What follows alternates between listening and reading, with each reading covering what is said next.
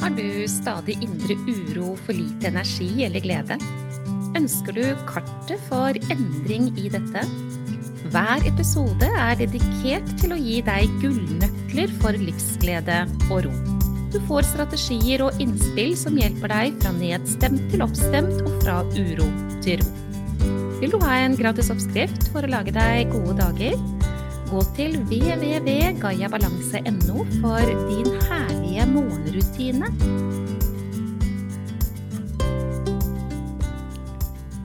Denne episoden skal handle om at lykken, den kommer ikke når alt er på stell utenfor deg selv, men at lykken handler om helt andre ting.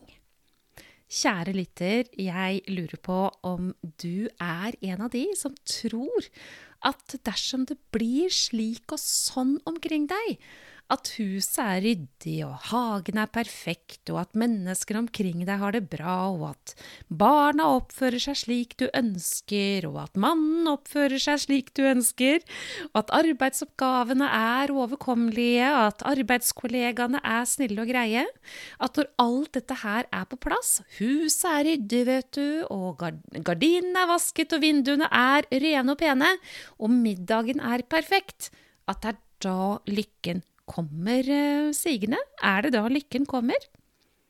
Er du en av de som tror at den gode følelsen kommer når alt er på stell på utsiden?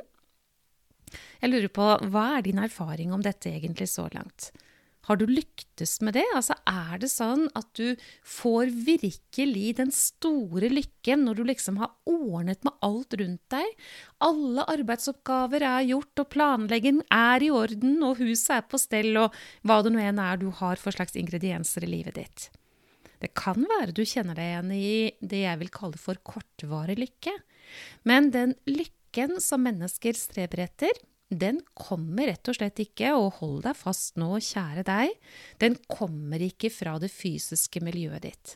Den kommer ikke fra det som er utenfor deg selv. Den lykken som du strever etter, streber etter, ønsker å ha i livet ditt, ja, den kommer faktisk kun fra innsiden av deg selv. Og dette her, det er utrolig viktig. Så Heng med meg gjennom denne episoden, kjære deg, for fokuset her skal handle om sannheten, som er av enorm betydning for din helse. Så dersom du ønsker økt livsglede og minst mulig stress, ja, da henger du med i gjennom denne episoden. Jeg har møtt en del mennesker som eh, i samtale med meg eh, sier at Eh, huset må være strøkent, og barna må oppføre seg ordentlig. Og det skal liksom ikke være en eneste liten sky da, på himmelen uten at uh, det har en enorm påvirkning på mennesket. Altså man styrer og steller og man ordner, og det man higer etter, er at alt skal være i orden, liksom. Noen er også veldig styrt av at det skal se så himla bra ut. At ingen skal ta de på at her er ikke alt i orden, på en måte. Um, og jeg tenker oh my god. som jeg kjenner meg igjen i det. Veldig ofte så sier jeg at hvis noen hadde tatt bilde av hjemmet mitt sånn som det er i dag, um, og vist det til meg for en tiårs tid siden, så hadde jeg aldri trodd at det gikk an å bo der. For jeg er den damen som måtte ha tellekanter i skapet og var strålende fornøyd, og kunne kjenne meg på stolthet, egentlig, når noen kom inn på besøk når jeg hadde fem små barn, og de sa det at oi sann, her skulle man jo ikke tro det bodde barn, liksom. Og jeg tenkte å, jeg er god, altså. Jeg er flink.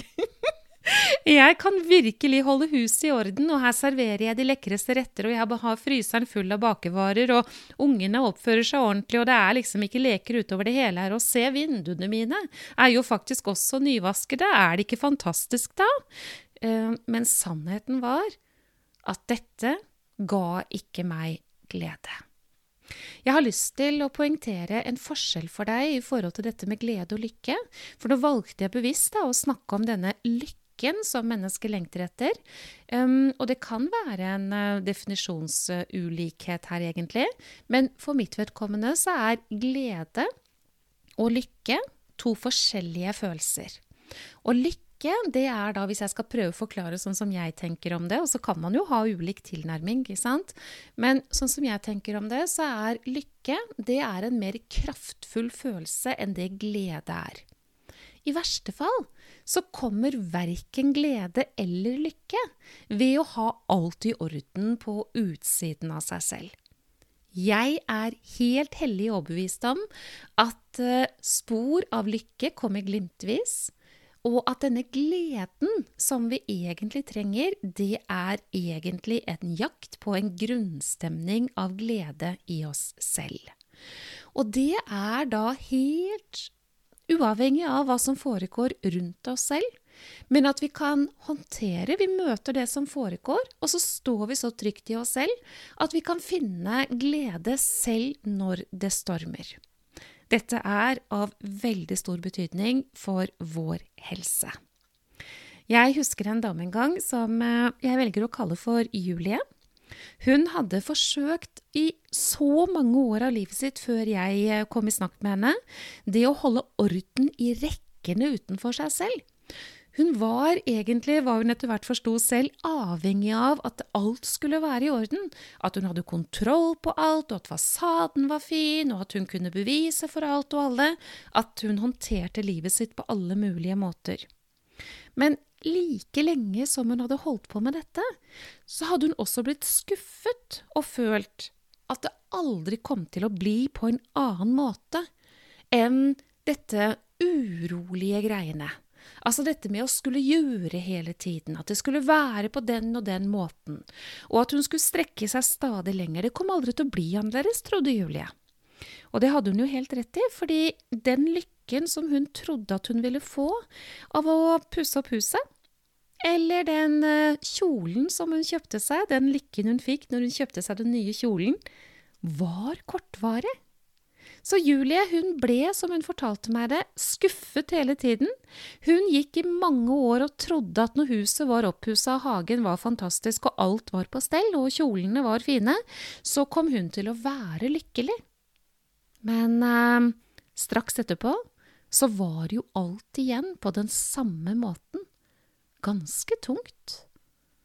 Opplevelse av mangel på energi, egentlig kraftløshet i tider. Uh, Julie hun hadde lang fartstid i dette når jeg snakket med henne. Men så, når vi hadde pratet sammen litt, så forsto hun at følelsen som hun lengtet etter, ja, den måtte hun faktisk søke i seg selv. At det hadde ingenting med omgivelsene å gjøre, så lenge de grunnleggende behov var dekket. Altså når barna hadde blitt sett, hørt og forstått tilstrekkelig, ikke sant, for det er noe med hvor skal man sette grensen der også. Noen holder jo på å strekke de grensene som man skulle tro at det var ingenting i hele verden som var av betydning, enn at barna blir sett, hørt og forstått. Jeg er ikke så sikker på at det er sånn, men dog. At barna fikk mat, og det var mat i kjøleskapet og huset, det sto, ikke sant? Altså dette grunnleggende som må være i orden for at ting skal gå rundt. Men det er jo noe med hvordan man ser det også, for veldig mange jeg snakker med, de har en tilnærming til dette som er voldsomt mye mer enn det som faktisk er et reelt behov.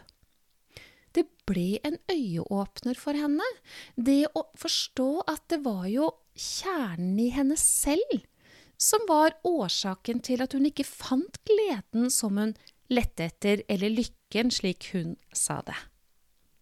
Den gleden og lykken som hun ønsket seg, ja, det var en glede og lykke som fantes i henne selv, men hun var nødt til å finne veien inn der. Og et av de grepene som Julie var nødt til å ta, det var å gjøre litt mindre og velge å se på at det var helt greit at uh, det var litt vask på vaskerommet, eller at det var brødsmuler på benken, eller at vinduene ikke trengte å bli vasket uh, så ofte som hun uh, gjorde, for hun, hun, hun slet seg ut, rett og slett. Hun gjorde faktisk det. Vi ble enige om at Julie skulle ha et mål, og det var å gå på jakt etter gleden i de små ting. Begynne å lete etter hva det var som kunne få lov til å være glede for henne, uavhengig av disse store prosjektene, og uavhengig av at alt skulle være perfekt. Det var en oppgave Julie fikk av meg, og hun strevde litt med det, og vi måtte snakke litt eh, om det flere ganger. Men etter hvert så ble hun stadig litt mer dyktig, om vi kan si det sånn, på å lete etter disse små gledene. Og jeg husker hun startet med å, å kjenne luften når hun var ute og gikk. Høre fuglene når eh, de sang. Kjenne at vinden strøk henne på kinnet og velge at disse små tingene i hverdagen kunne få lov til å være glede. Og så husker jeg også at Julie valgte å bruke den gaven jeg anbefalte henne, din herlige morgenrutine, som du også kan få, vet du, ved å gå inn på www.gayabalanse.no. Så finner du det der. Hun begynte å bruke den som en kilde til glede om morgenen hver eneste dag videre. Det viktigste jeg håper at du tar med deg ut av denne episoden, kjære lytter, det er at det vi må jakte etter, det er rett og slett gleden i oss selv. Bak alt som egentlig vi tror er av betydning. Men uavhengig av alt det der, der kan også gleden være. Og ja, du fortjener også å jakte på gleden.